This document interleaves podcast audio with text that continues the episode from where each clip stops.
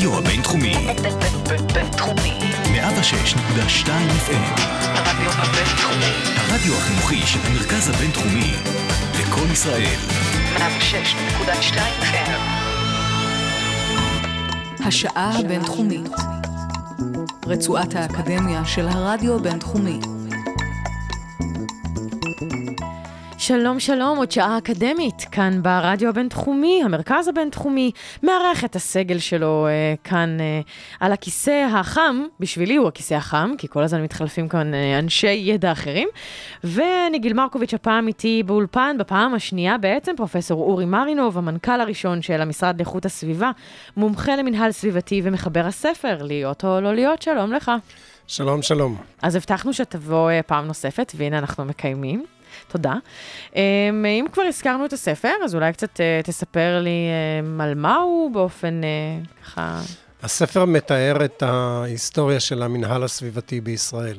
זאת אומרת, מהימים הראשונים שבהם התחלנו לחשוב כיצד לנהל את הסביבה ב- ב- בישראל, אה, דרך המאבקים, הקמת היחידה הממשלתית הראשונה במשרד ראש הממשלה, אחר כך במשרד הפנים, והקמת המשרד לאיכות הסביבה. כן, ולהיות או לא להיות זה כי באמת השאלה הקיימ... של הקיימות והשאלה הסביבתית באמת אה, מציבה את השאלה של להיות או לא להיות אה, מבחינתך, או אולי מבחינת אחרים? מבחינת כל העולם, מבחינת הציוויליזציה שלנו, מבחינת כדור הארץ. זאת השאלה. הנושא היום הוא הנושא החשוב ביותר שנמצא על סדר היום של האנושות. אה, הרבה הרבה יותר חשוב מכל המלחמות שמתנהלות עכשיו, הרבה יותר חשוב מנושאים כלכליים אחרים. זאת שאלה של המילה קיימות. האם אנחנו כציוויליזציה נוכל להמשיך להתקיים על פני כדור הארץ, או שהאסונות, אסונות הטבע, אסונות האקלימיים, שכל כך התגברו ב-20 השנים האחרונות, אה, ילכו ויחריפו עד כדי כך שלא ניתן יהיה להמשיך לחיות כאן. לכאורה נראה שהרבה מהמדינות, או תכף, תכף אולי נתווכח על זה, מוצאות דווקא שיש בעיות אה, דחופות אחרות, שאולי כדאי להשקיע בהן את המשאבים שלהם, זה אולי אחד המאבקים הכי גדולים של מי שמתעסק בסביבה ובקיימות, אה, החל מטרור, אה, ש, שיש לו דריסת רגל די מכובדת במציאות היומיומית. אה, כן, אבל הטרור האקלימי הוא, הוא כבר היום, ובעתיד יהיה הרבה הרבה יותר חמור מהטרור האסלאמי או כל טרור אחר. אה, תראי, ב-20 השנים האחרונות אירעו אה, אירועים אקלימיים כמעט בכל יום במשך אה, כל, כל ימות השנה. Mm-hmm. יותר ממחצית מתושבי כדור הארץ הושפעו בצורה חמורה משינוי האקלים. אין עוד נושא שהשפיע בצורה כזאת על כדור הארץ. יש...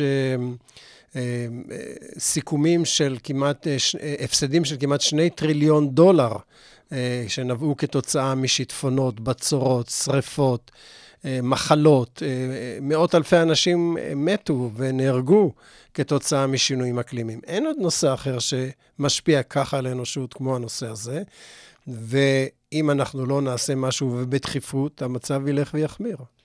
את הנתונים, את התוצאות האלה, העגומות שאתה מתאר לי כאן, יש הפנמה גם בקרב האנשים מהשורה, ואני בכוונה שואלת את זה, האם רק מקבלי ההחלטות מסוגלים לראות את הנתונים ולהפנים אותם ולה, ובאמת למקם בסדר העדיפויות את הבעיה של הקיימות באיזשהו סדר עליון, או שמאחר ולמשל, שוב, אני לוקחת את הטרור, בגלל שהטרור הוא ככה ברחובות ואנשים חווים אותו ממש על בשרם, האם הם... האם הם, האנשים עצמם בשורה, אנחנו, אני, יכולים לייצר סדר עדיפויות אה, חדש ולהפנים את מה שאתה מתאר? תשאלי את אלה, ש... את, את המיל... עשרות מיליונים שאיבדו את הבתים שלהם. תשאלי את העשרות מיליונים שאיבדו את מקור הפרנסה שלהם, שהם רעבים, שהם הם, ננטשו כתוצאה משיטפונות, משרפות, מעליית פני המים. יש עשרות איים. מיושבים שרואים את פני המים אה, מתקדמים אליהם והם לא יכולים לעשות שום דבר בעניין. האם כך גם במדינות המפותחות, אני עושה ככה במרכאות עם האצבעות? אלה שמתעניינים יודעים שגם בארצות המפותחות זה קורה. תראי, יש אה, בקליפורניה בצורת שנמשכת קרוב לחמש שנים, עם מחסור במים אמיתי בקליפורניה. וכולם יודעים שאם פני המים יעלו, אז לואיזיאנה למשל תיעלם mm-hmm. מתחת לפני המים. זאת אומרת, אה, זה לא סתם שבחודש דצמבר 2015, נאספו כמעט 120 אה, ראשי מדינות בפריז כדי אה, לדון בנושא הזה, ולשמחתי הרבה, הכנס הזה הגיע להסכמות בפעם הראשונה מאז ש...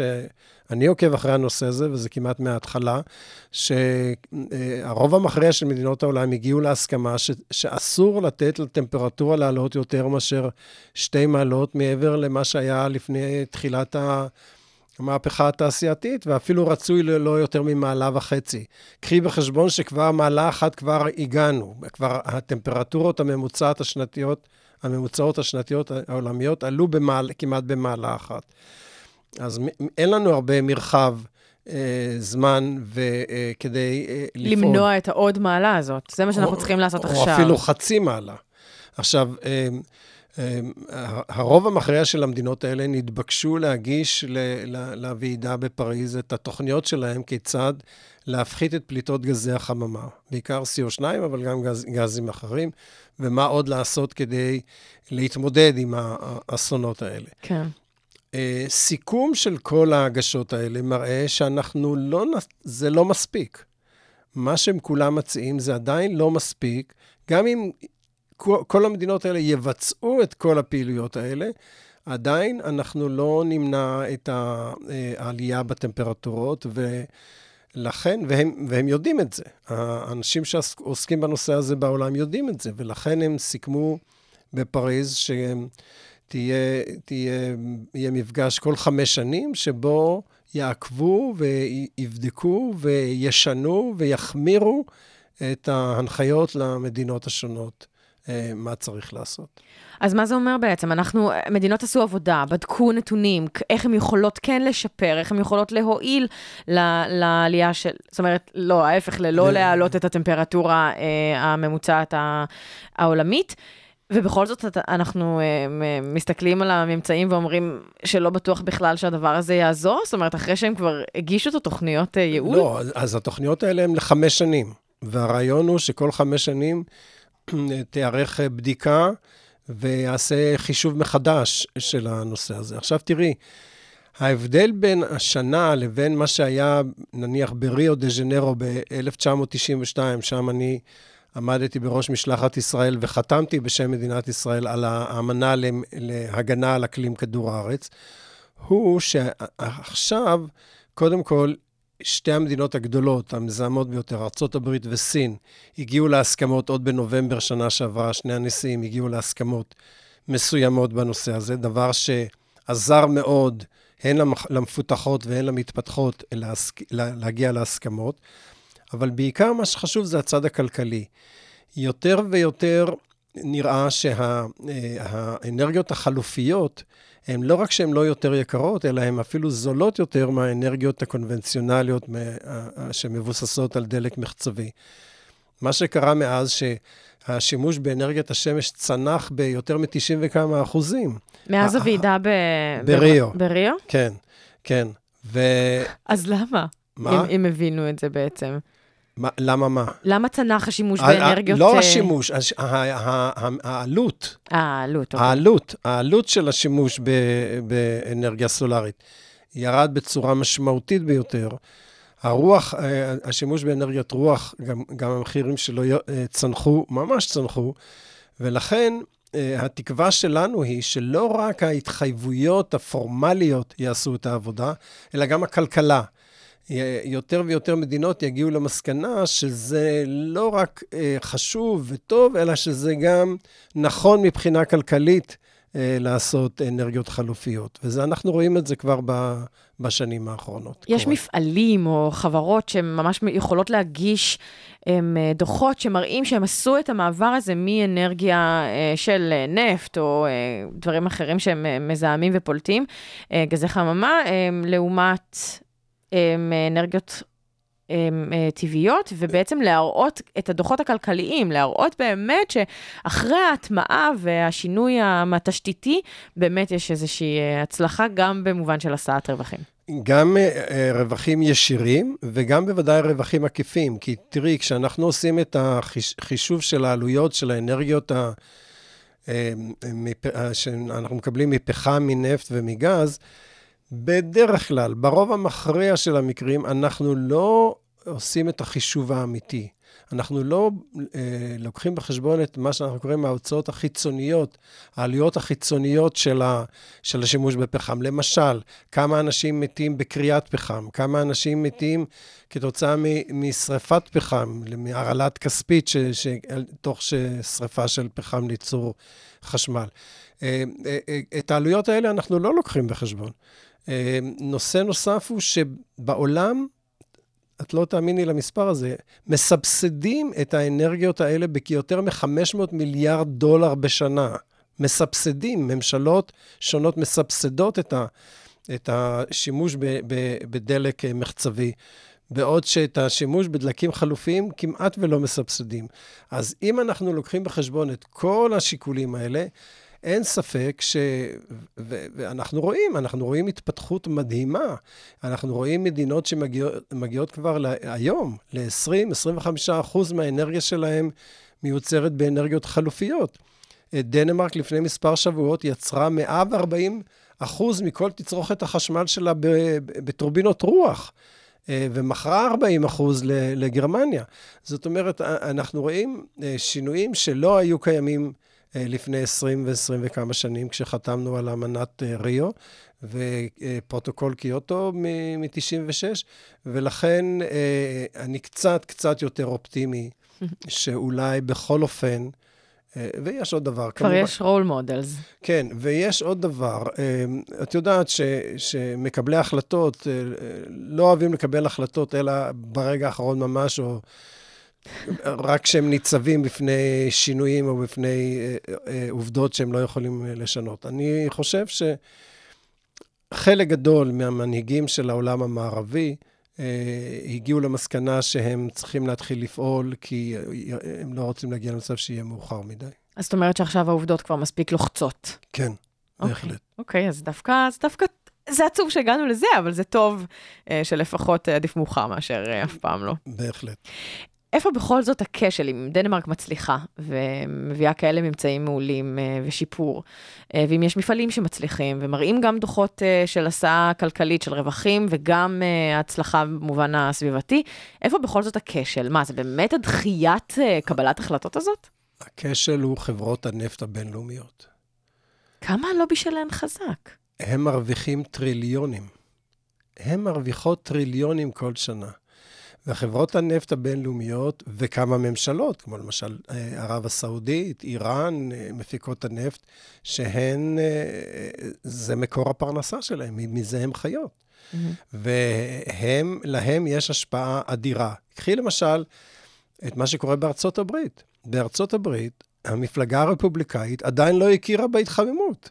מבחינתם, ההתחממות לא... גם אחרי 2015 דצמבר פריז? כן, כן, הם עדיין לא הכירו בנושא הזה. ומעניין יהיה לראות מה יקרה בשנה הבאה. אם ייבחר, אה, חס וחלילה, אני אומר את זה ברד וב... חיל ורעדה. בחיל ורעדה. אם ייבחר נשיא רפובליקאי, אה, זה יכול להיות, יכולה להיות בשורה רעה מאוד לעתידו של כדור הארץ. ולכן, אה, אין ספק שחברות הנפט מפעילות so called מדענים, אה, תורמות אה, מאות מיליונים למחקרים, לא מאות, אבל עשרות מיליונים של דולרים לכל מיני סוגים של מחקרים שמנסים להגיד שהבעיה לא קיימת, ואם היא קיימת היא לא מעשה ידי אדם, וכל מיני דברים כאלה. זה קורה בארצות הברית, ויש עוד אה, איים כאלה במקומות שונים ברחבי כדור הארץ, ש... אה, למשל ברזיל, למשל מדינות אחרות, ש, שלא הולכות עם, ה, עם הטרנד הזה, עם, ה, עם הידע החדש, המחודש הזה, ולכן, אה, אה, לצערי הרב, יהיו עוד הרבה מאוד אסונות אקלימיים לפני, שהם, אה, לפני שהעולם יתארגן בצורה משמעותית לעשות מה שאנחנו קוראים דקרבוניזציה של המערכת, להוציא את, ה, את הפחם, את ה, סליחה, את הפחמן מהמערכת הכלכלית שלנו. ערב הסעודית נכחה בוועידת אה, האקלים ב-2015? כן, כן, ערב הסעודית נכחה, ו... נאלצה לחתום, או... אה, עדיין, עדיין לא חתמו, עדיין לא חתמו, החתימות תתחלנה בחודש אפריל, ואחר כך ההסכמים האלה צריכים לעבור אשרור של הפרלמנטים השונים אה, בעולם, כך שהדרך עוד, עוד, עוד ארוכה עד שהצד הפורמלי יתחיל, אבל בינתיים, עושים עכשיו יותר, מייצרים עכשיו מקורות חדשים לאנרגיות חלופיות יותר מאשר לאנרגיות קונבנציונליות. כן. כל שנה, בשנה האחרונה למשל. אז זה, זה כבר נותן לנו איזושהי אינדיקציה שאולי בכל אופן חל איזשהו מהפך בעולם. אני מנסה לחשוב רגע, אין לי שום אה, ידע לגבי הכלכלה הספציפית של ערב הסעודית, אבל אני מנסה שנייה להסתכל עליה כאיזה מקרה בוחן מאוד מעניין, ולחשוב באמת, אם אצל כל מדינה אחרת, הפחתת השימוש בנפט, גז אה, וכולי, ופחם, אה, והגברת השימוש בשמש, רוח וכולי, ממש מייצר חיסכון, ואני יכולה להבין את זה, אצלה... יכול להיות שהרווחים מנפט הם כל כך כל כך עצומים, שבאמת הרווח הזה שהיא תעשה משימוש באנרגיות אה, טבעיות, ממש לא יזיז לה, מה שנקרא, לכלכלה שלה. ואני שואלת את עצמי איך אפשר באמת לרתום גם אותם uh, למאבק הזה. זאת שאלה מצוינת, ואני לא יודע. אני, אין לי תשובה לעניין הזה, לבד מה, מהעובדה שלערב הסעודית יש מדבריות גדולות מאוד, שבהן אפשר לייצר נכון. כמות גדולה מאוד ולכן אני... יצאה אני... מורווחת מכל הצדדים שם, ערב הסעודית. כן, אנחנו הגענו לא כל כך בדיוק למקום הנכון. כן.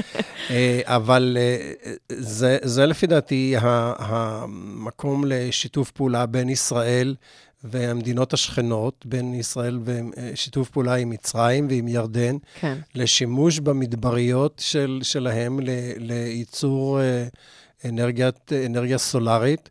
אמ, ולדעתי זה הכיוון שצריך ללכת בו. לצערי הרב, אמ, אמנם אה, ישראל השתתפה במשלחת גדולה מאוד של יותר מ-70 איש בוועידת אה, פריז, אבל מה שהיא הציגה שם זה ממש ממש לא מספק, לא מבחינה...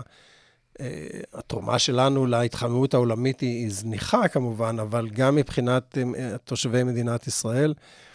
קיים היום אה, ויכוח אה, קשה בין משרד האנרגיה ומשרד להגנת הסביבה. לצערי הרב, משרד האנרגיה רוצה להמשיך להשתמש בפחם, שזה פשוט אסון, אסון להמשיך להשתמש בפחם. אין שום סיבה בעולם לעשות את זה כשיש לנו גז, והגז צריך לשמש לתקופת הביניים עד שיהיה לנו מספיק אנרגיה סולארית וקצת אנרגיית רוח בשביל אה, להחליף גם את הגז. אוקיי, אני האמת הייתי שמחה לשמוע קצת יותר על, אה, על ישראל, אם אחר כך נוכל אה, אולי להיכנס יותר לפרטים. אני רוצה שקודם נשמע אה, שיר, ואז נחזור, נעשה איזה אתנחתה. אז באמת בחרנו ככה מהר איזה שיר שקשור לפריז, שאנחנו מקווים שמשם תבוא הגאולה והישועה, והנה אנחנו נשמע את זה, זה של קייט נאש. אולי זה מדבר על אהבה, אבל אנחנו נתייחס לשיר הזה כאל אהבת הסביבה.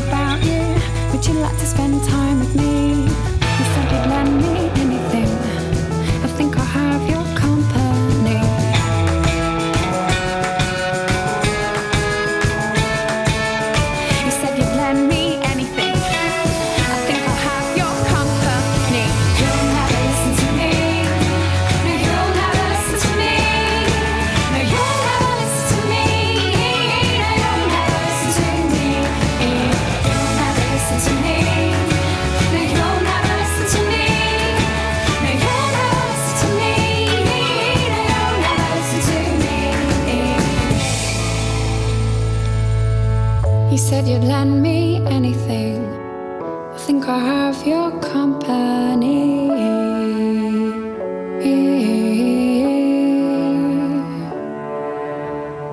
He said you'd lend me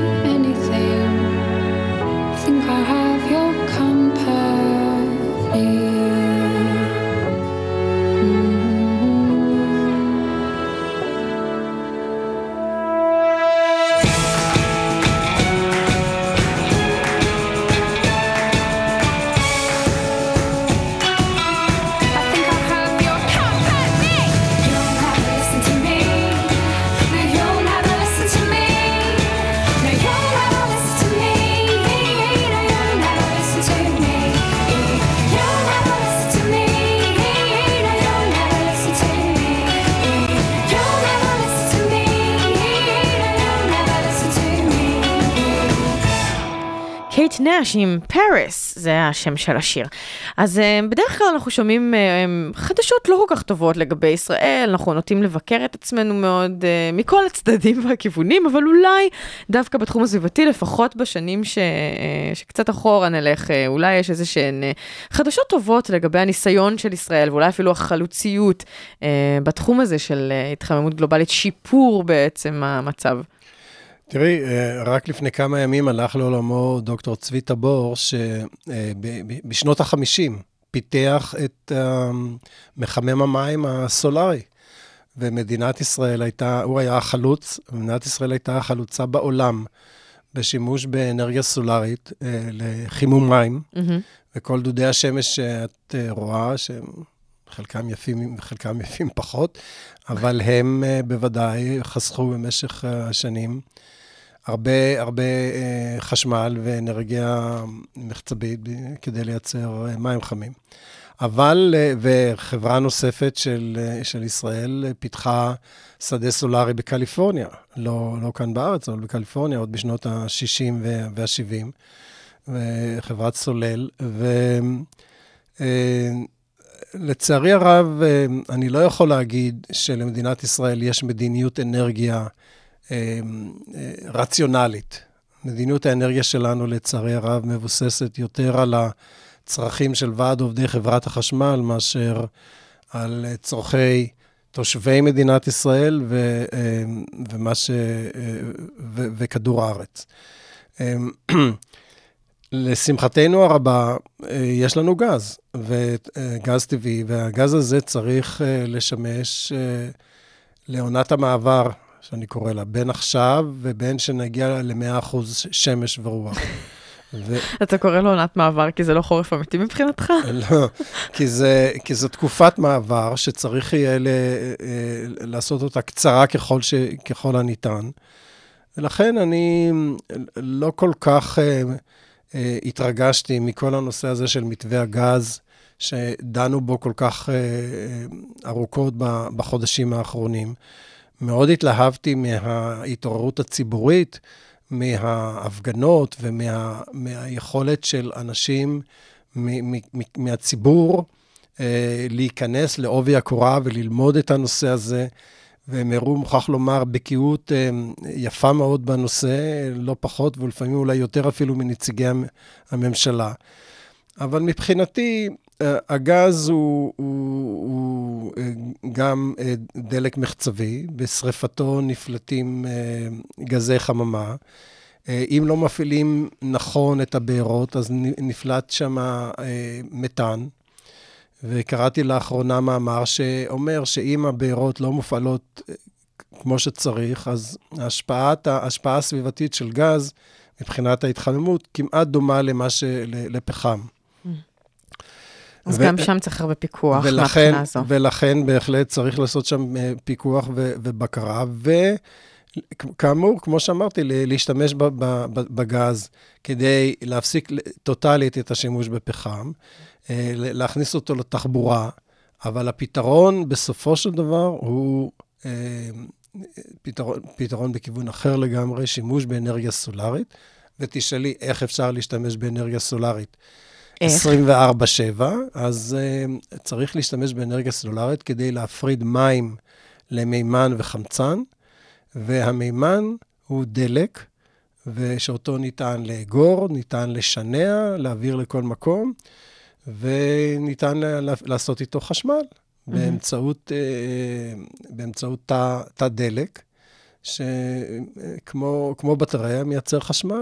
והחזון, כפי שאני רואה אותו, של העולם ובוודאי של מדינת ישראל, שכל אדם ייצר לעצמו את החשמל שהוא צריך, או כל בית, או כל מבנה, או כל מפעל, באמצעות תאי דלק. אה, לא נצטרך להיות תלויים בחברת חשמל, שהיא חברה מונופוליסטית, שכמעט אין לנו שליטה עליה. אה, אנחנו לא נסבול מנפילות של מתח, לא נסבול מנפילות של קווי חשמל. לא יהיה, לא יהיה מצב שבו של, אה, תושבים יהיו ללא חשמל במשך שלושה-ארבעה ימים, כפי שקרה לפני מספר שבועות. וכך אנחנו נוכל הן לשפר את איכות החיים שלנו, והן לשמור על כדור הארץ. אוקיי, זה באמת החזון, כי גם המדע בינתיים לא יודע איך... אה, או יודע מצוין. יודע מצוין. מצוין, יודע אז שוב מצוין. אנחנו מגיעים ללובים אה, שעוצרים מזה יודע להיות... מצוין. אה, אחד הדברים היפים בנושא הזה, שאנחנו לא זקוקים לעשרות שנים של מחקר ופיתוח. רוב, רוב המידע כבר קיים. ב, ב, אנחנו יודעים איך ל, לעשות הפרדה של מימן, אנחנו עושים את זה תוך שימוש בגז. דרך אגב, אם תרצי ואם יהיו עודפי גז, אפשר להשתמש בגז הטבעי כדי לייצר מימן ולא לשרוף אותו אה, ישירות, גם זאת, גם זאת אפשרות. הטכנולוגיה קיימת הרבה מאוד שנים, וכל מה שאנחנו צריכים זה רק לרצות לעשות את זה. וזה זה הדבר היפה בתוך הנושא הזה. צריך לרצות לעשות את זה, וזה תלוי באנשים כמוך וכמוני ואחרים שידרשו שזה מה שיעשה. כן. ואני מצפה שאותם אנשים שנרתמו כל כך בהתלהבות לנושא מתווה הגז, מהמם. יעסקו בנושא האמיתי, וזה... נושא העל. כן, ה- ה- הקובע, והוא הנושא של ה- הפסקת השימוש בדלק המחצבי.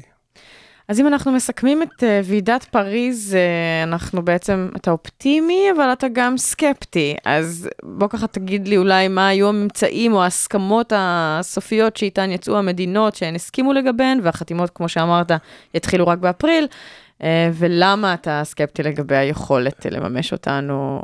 תראי, המנהיגים היו מאוד מרוצים. הם התלהבו, הם שרו, הם רקדו, הם הרימו כוסות שמפניה. המדענים קצת פחות, מכיוון שהם הם, יודעים שאפילו עם כל מה שיעשה שם זה לא מספיק. ויש מספר די גדול של אנשים שטוענים שכבר היו דברים מעולם. כבר היה, הייתה לנו אמנת ריו והיה פרוטוקול קיוטו, והמדינות אה, חתמו ואשררו, ובסופו של דבר לא עשו מה שהם היו צריכים לעשות. ו... מרשלנות, או משהם הגיעו לשטח וגילו שיש דברים שהם לא מסוגלים לעמוד בהם? לא, מ- מאינטרסים, מאינטרסים אה, מעוותים, מהשפעות מעוותות של אה, אינטרסים כאלה ואחר, ואחרים. אה, ואי אפשר לזלזל בלובי הפחמני שקיים בעולם, הוא, הוא לובי חזק מאוד, הוא עשיר מאוד, והוא נטול כל עכבות. הוא יעשה כל מה שהוא יכול כדי למנוע את ההתפתחות הזאת. אוקיי, אז uh, בזאת סיימנו את uh, ועידת uh, פריז. אני מקווה מאוד ש... שאנחנו נגלה, אולי בוועידה הבאה, שבעצם העולם כן הצליח להפחית, כי אמרת לי שהיה ב... בין הוועידה הקודמת לוועידה הזו בעצם רק עלייה, נכון? בפליטת, של 30 אחוז. בפליטת uh, גז החממה. גזי חממה. גזי חממה, נכון. בתוכנית הקודמת אתה הסברת לי שיש כמה. אוקיי. uh, עכשיו, כדי שנבין אולי, um, ניכנס ככה למסגרת של ישראל, ונדבר אולי יותר בקטן, אבל עדיין עם חשיבות גדולה מאוד, לגבי אה, תחבורה ציבורית. אחד הדברים הרי שהם הכי בעייתיים, אה, זה באמת התחבורה הציבורית. אה, אז א', אני אשמח לשמוע מה ההשפעה של זה על ההתחממות או על נושאים אחרים, ואחר כך נראה מה, מה ישראל עושה בנדון. לא, אין ספק שלתחבורה יש השפעה גדולה מאוד על נושא ההתחממות, והפתרון הוא תחבורה ציבורית. התחבורה הציבורית באה לא רק לפתור את, את בעיות הסביבה, היא קודם כל באה לפתור את בעיות העיר. נכון. אה, העיר ומי שלא גר בעיר גם. כן, אה, מי שגר בעיר ומי שלא גר בעיר. כן. אה, כל יום נכנסים למרכזים המטרופולינים שלנו, בעיקר לתל אביב, מאות אלפי אנשים שבאים אה, לעבוד, שבאים לחיות, שבאים ליהנות. המאות האלפים האלה, אה, היום, רובם ככולם, כמעט שני שליש מהם מגיעים בתחבורה פרטית, ורק כשליש משתמשים בתחבורה, בתחבורה ציבורית. הרכבת אה, התפתחה יפה מאוד בשנים האחרונות, מספר הנוסעים ברכבת זינק, אה, וזאת התפתחות טובה, אבל האוטובוסים עדיין לא. ולמעשה, הפתרון של הרכבת הקלה שהיום, שפותחה בירושלים, הוא פתרון טוב, אבל הוא לא הפתרון האופטימלי. מה שנעשה בחיפה, למשל, המטרוניטה, אה, הוא פתרון אה, הרבה הרבה יותר אה, מעשי, אה, אה, זול ו- ונכון מבחינה סביבתית. אני הייתי מעורב הרבה מאוד שנים בתכנון הרכבת הקלה בתל אביב. לצערי, לא קיבלו את העמדות שלי שצריך ללכת למערכת של, אה, אה, של אוטובוסים, BRT, Bus Rapid Transit, שזאת מערכת שיותר ויותר תופסת מקום בעולם כמערכת תחבורה ציבורית, שהיא גמישה יותר מרכבות, היא, היא, היא קלה יותר להקמה, לא צריך לעבור עכשיו עשר שנים של חפירות ו- ועיכובים בתנועה וכל מה שקורה עכשיו במטרופולין של תל אביב. והיא יכולה לספק את, ה, את, ה, את הדרישות לתחבורה ציבורית בצורה מהירה יותר. אם היו נכנסים לנושא הזה ברצינות, אז אפשר היה תוך חמש-שש שנים לעשות uh, מערכת תחבורה מטרופולינית לתל אביב של חמישה-שישה קווים, שמשרתים את המערכת ומעלים את אחוזי השימוש בתחבורה הציבורית מ-25 או 30 אחוז שהיום ל-60-70 אחוז. אני רוצה uh, להבין יותר לעומק מה השיטה הזו אומרת. שוב תחזור על השם בבקשה. BRT, Bus, Bus Rapid Transit. אוקיי, אז איך זה עובד? מה זה, ב- מה זה אומר? כמו שאני שומעת? Uh, כמו שאת שומעת, כן, את, uh, את עולה, ל, את עולה לפלטפורמה, למקום שבו את קונה כרטיס, בא האוטובוס, הוא פותח את uh, אוטובוס ארוך יחסית, כל הדלתות נפתחות, את נכנסת פנימה, הדלתות נסגרות והאוטובוס נוסע בנתיב שמיועד רק לו. הוא לא, לא ניתן... רק לא, לא רק- תחבורה ציבורית כללית. רק... לא, לאוטובוסים, לא אוקיי. למכוניות פרטיות ולא ל- אפילו לא למוניות. מהמם. ומה שזה מבטיח זה, כשאת, כשבן אדם אה, נכנס לאוטו, הוא רוצה לדעת מתי הוא יגיע. זאת הנקודה החשובה ביותר, מעבר לנוחיות ולשקט ולניקיון ולכל הדברים האחרים. המטרה העיקרית שלו היא להגיע בזמן, בין שזה לעבודה או, ל, או לתיאטרון או, או, או למסעדה. ולכן אה, העובדה שהאוטובוס אה, נוסע בנתיב המיועד רק לו, מאפשרת לו לצאת בזמן ולהגיע בזמן. וזה, וזה, וזה הנקודה, זאת הנקודה החשובה. ולכן אה, המערכות האלה הולכות ומתפתחות אה, בעולם. הן יותר גמישות, נניח אם את מגיעה למסקנה שבכביש מסוים אין מספיק נוסעים, את רוצה להעביר את זה לכביש אחר או לרחוב אחר, הרבה יותר קל לעשות את זה מאשר ברכבת, שכמעט, היא לא גמישה כמעט לחלוטין. כן. אה, מסילות לעומת פשוט סימון נתיב או הוצאת נתיב מה, מהשימוש של כלל האוכלוסייה. נכון, כן. ו- וזאת מערכת שלדעתי, אה, אם משרד התחבורה היה עושה מה שמוטל עליו לעשות, אז הוא היה צריך להטיל את הפיתוח וההקמה של המערכת הזאת במטרופולין תל אביב, ותוך מספר שנים לא גדול אה, אפשר היה להקים אותה. וכמות האוטובוסים אה, הייתה מספיקה לכמות האנשים לא, ש... את, את קונה כמה אוטובוסים ש, שצריך, במיוחד את רוצה לקנות אוטובוסים ח, אה, חדשים שמשתמשים בגז, או אפילו אוטובוסים חשמליים, לא אוטובוסים ששורפים אה, דלק mm-hmm. מחצבי. והמחשבה שמערכות תחבורה צריכות לכסות על עצמן, או צריכות להיות כלכליות, היא מחשבה מעוותת.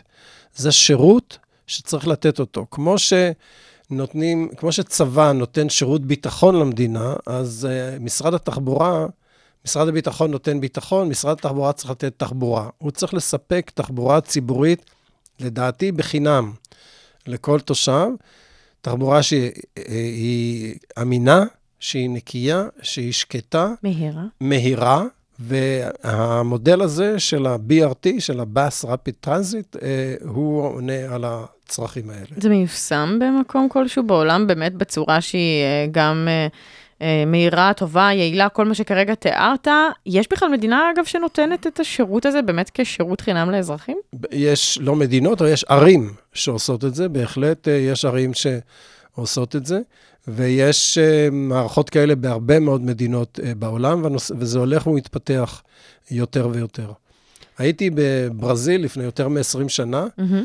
ופגשתי את אה, ראש עיריית, אז ידעתי שאני אשכח את שם, אה, קוריטיבה. אוקיי. העיר קוריטיבה.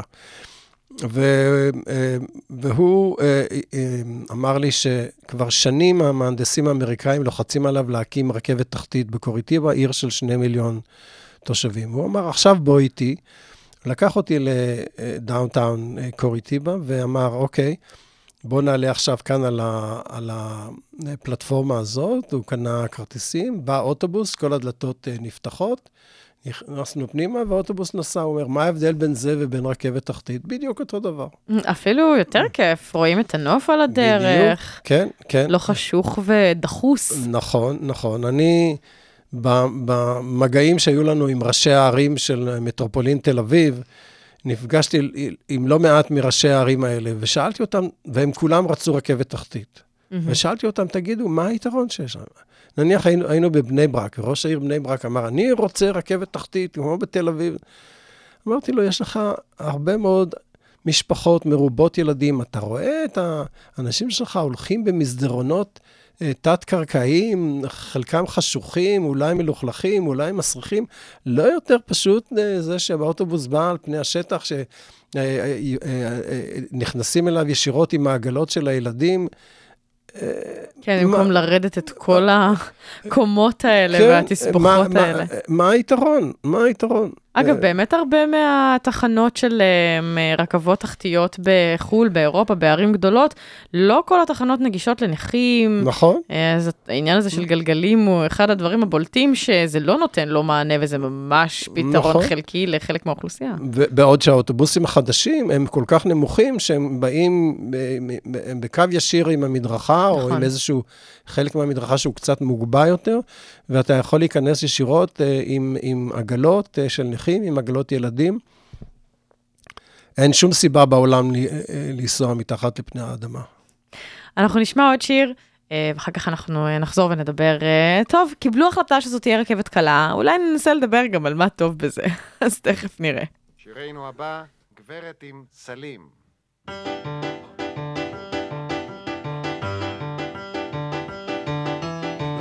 לאוטובוס נכנסת, גברת עם סלים, תראו איך היא תופסת את כל הספסלים. על ספסל אחד סלים לחמניות, על ספסל אחר סלים עגבניות, על ספסל אחד סלים גרעינים, על ספסל אחר סלים לפפונים. לאוטובוס נכנסת, גברת עם סלים, תראו איך היא תופסת את כל הספסלים. על ספסל אחד סלים מרגרינה, על ספסל אחר סלים חומוס טחינה, על ספסל אחד סלים כל מיני, על ספסל אחר סלים עיתוני. לאוטובוס נכנסת, גברת עם סלים, תראו איך היא תופסת את כל הספסלים. ילד, מה פתאום אתה יושב? בבקשה תקום, מיד. הלא גם הגברת צריכה ספסל אחד.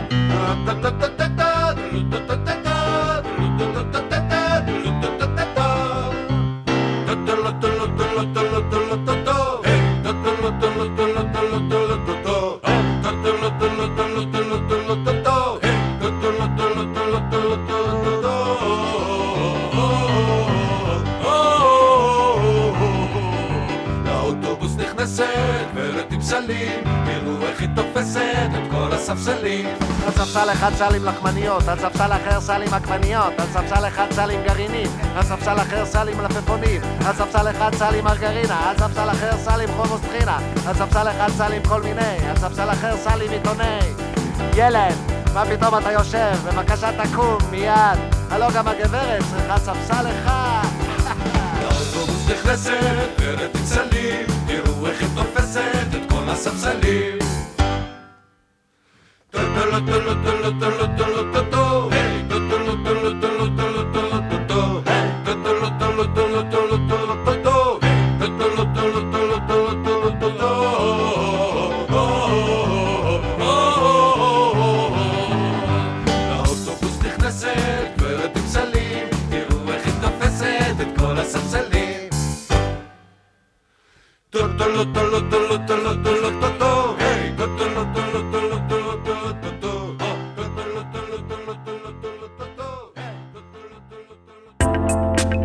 הרדיו הבינתחומי, 106.2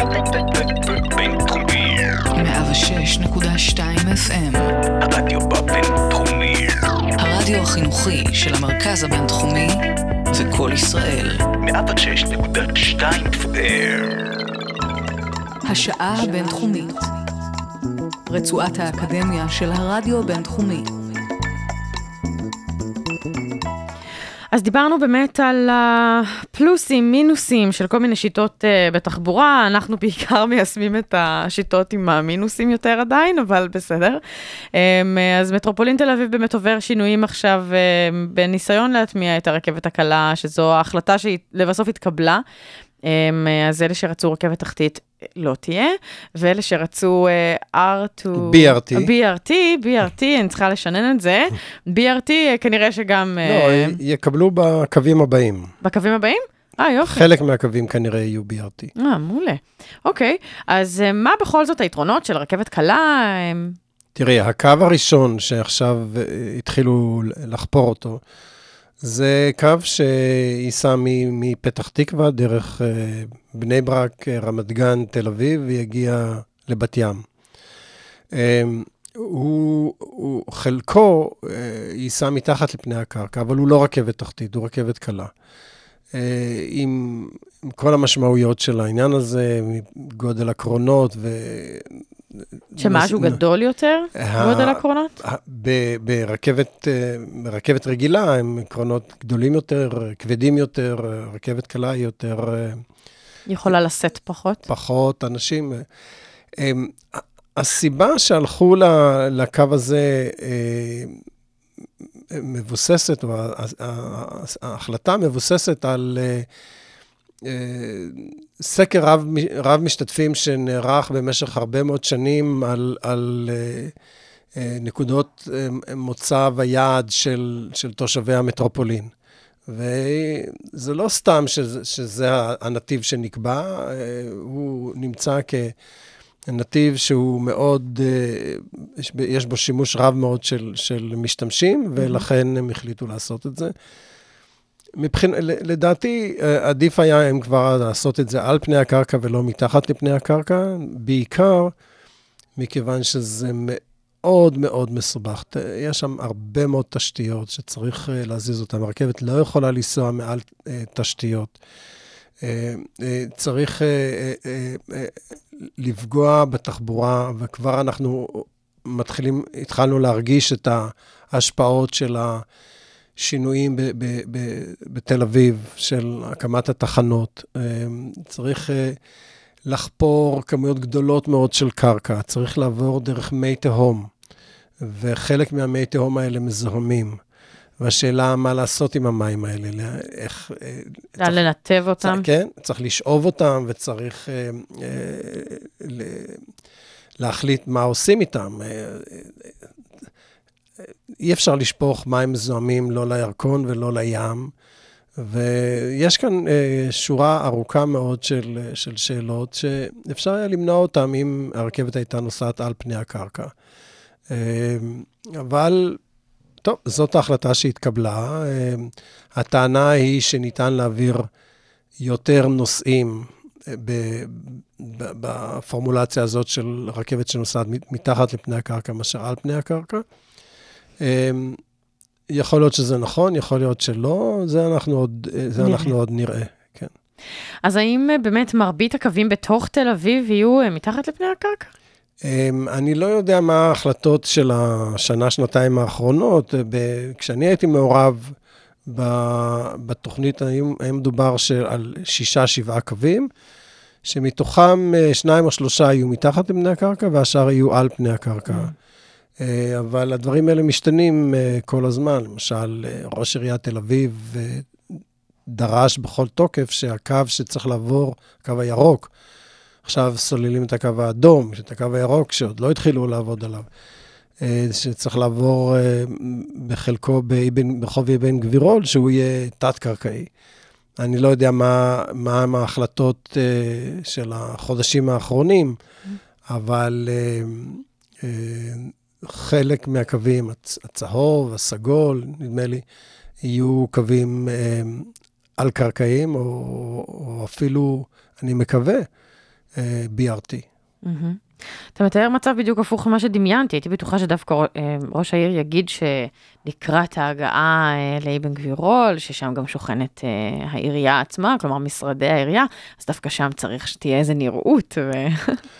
אני, אני חושב שהרבה, כמו שאמרת קודם, הרבה הרבה יותר נעים לנסוע על פני הקרקע מאשר מתחת לפני הקרקע. כן. ואני חושב שגם העסקים, אבן גבירול הוא מלא עסקים, אה, אה, ירוויחו יותר מאנשים שנוסעים על פני הקרקע מאשר אנשים שנוסעים מתחת לפני הקרקע.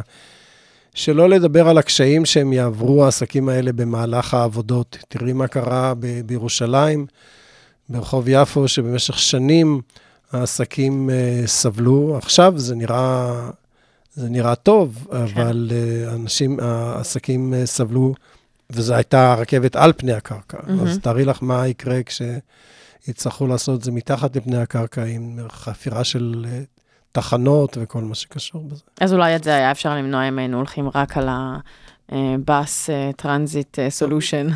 אני חושב שכן, אני חושב שכן. אבל לצערי הרב, אה, לא קיבלו את, את עמדתי. כן. אה, אני עוברת לנושא אחר, אנחנו היום אה, ככה מדלגים אה, בין נושאים ונספיק לדבר על, אה, על שלושה עניינים חשובים, שניים מהם כבר אה, דיברנו עליהם.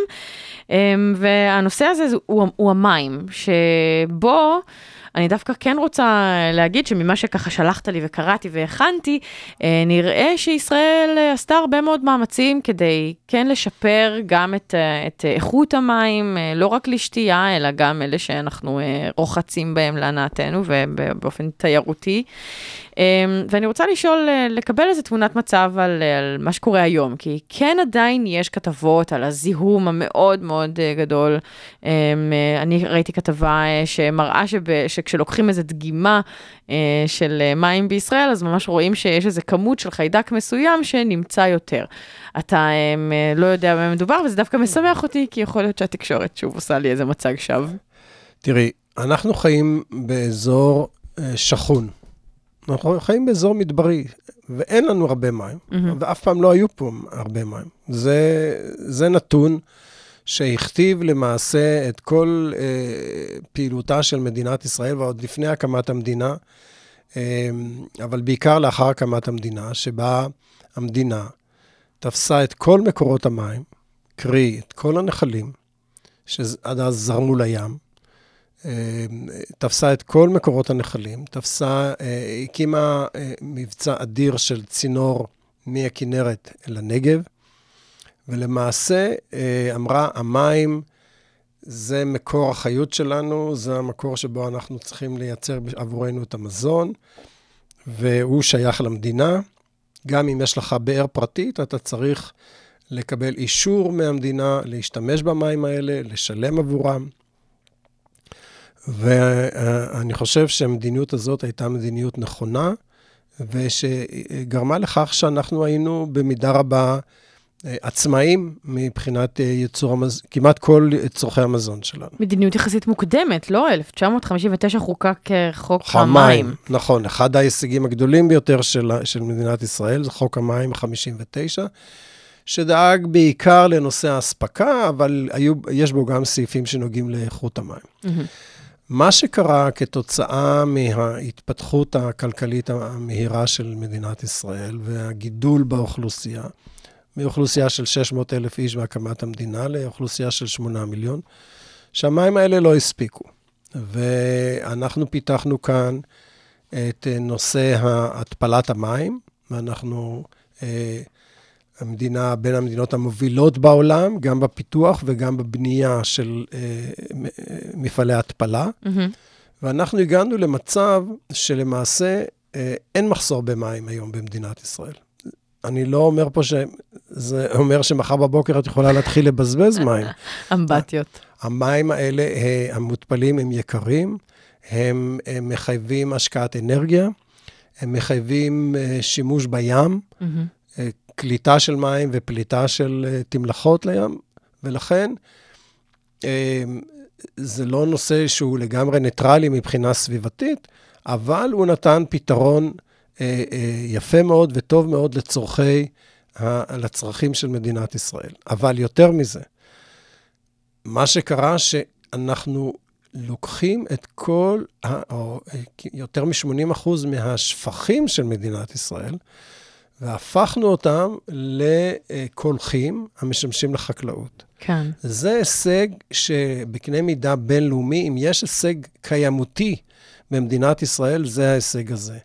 אין עוד מדינה בעולם שיודעת לקחת את הרוב המכריע של השפכים ולהפוך אותם למשאב לצורכי החקלאות. וזה אה, הישג מדהים של מדינת ישראל. בתחילת שנות ה-70 הוא נעשה קצת בעזרת הבנק העולמי, אבל אחר כך, בעיקר בעזרת הכספים ש... שנגבו מהתושבים ששילמו עבור המים ועבור הטיפול בשפכים. כל הרשויות המקומיות הקימו מתקנים, חלקם מקומיים, חלקם מחוזיים, אה, אזוריים, לטיפול בשפכים, ואנחנו יכולים להיות מאוד גאים, מדינת ישראל יכולה להיות מאוד גאה בהתפתחות הזאת, שבה למעשה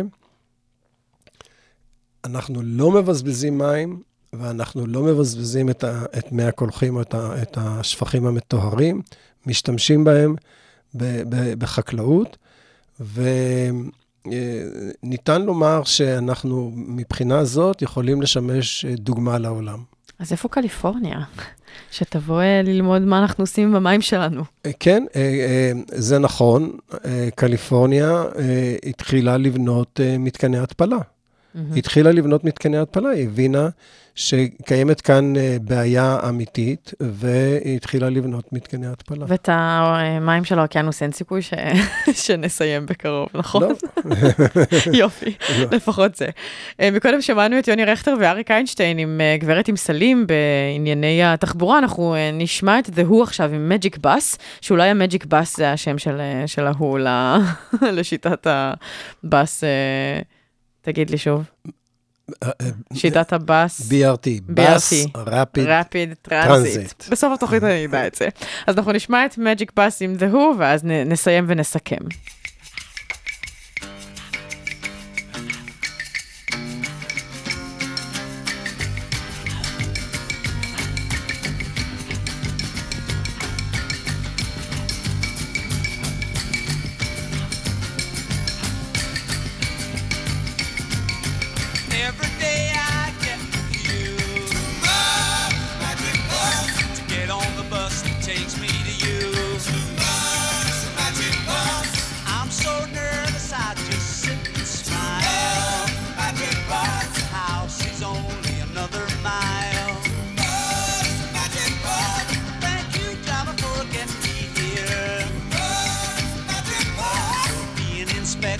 have no